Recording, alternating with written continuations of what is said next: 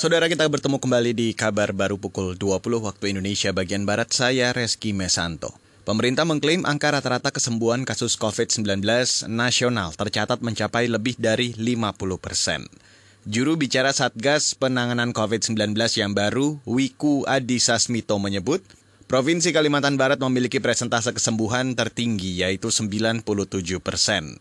Selanjutnya, Kepulauan Bangka Belitung 94 persen, Sulawesi Tengah 89 persen, Kalimantan Utara 88 persen, dan Kepulauan Riau 87 persen. Rata-rata kesembuhannya secara nasional adalah 52,47 persen, di mana dari 34 provinsi yang ada di Indonesia, 23 provinsi dengan jumlah yang cukup banyak, dengan kesembuhan di atas angka nasional. Ini adalah kabar baik, sedangkan masih ada juga 11 provinsi dengan kesembuhan di bawah angka nasional. Inilah yang harus kita dorong agar angka kesembuhannya naik secara rata-rata. Itu tadi juru bicara Satgas Penanganan COVID-19 yang baru, Wiko Adhisa Smito. Saudara, peningkatan jumlah kasus positif COVID-19 di tanah air terjadi setelah adanya pelonggaran pembatasan sosial dalam penetapan kenormalan baru. Dokter spesialis paru dan juru bicara RSUP Persahabatan Erlina Burhan menyebut, tatanan kenormalan baru justru memicu kerumunan dan berpotensi besar membuat transmisi lokal.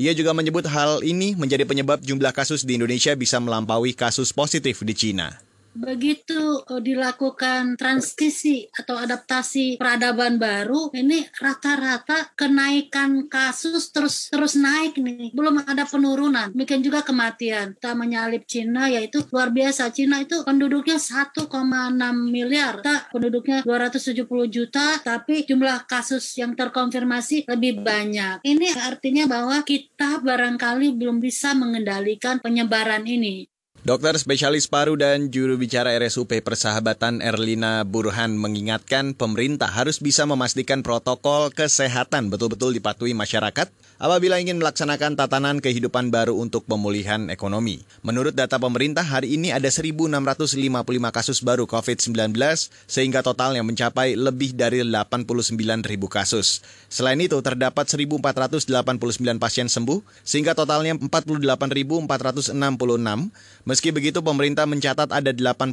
pasien COVID-19 yang meninggal hari ini, sehingga totalnya menjadi 4.320 orang. Saudara, Kementerian Agama mengungkapkan banyak pesantren di Indonesia yang belum siap dibuka di masa pandemi COVID-19.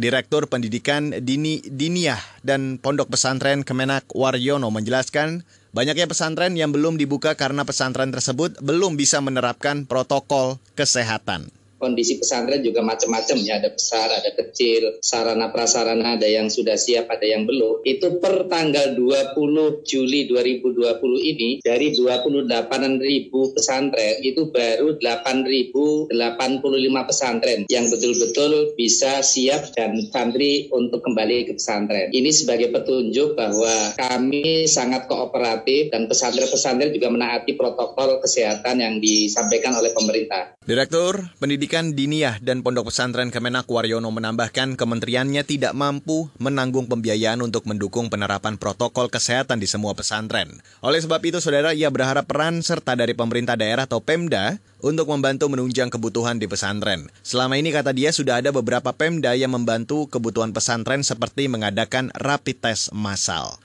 Demikian kabar baru KBR saya Reski Mesanto.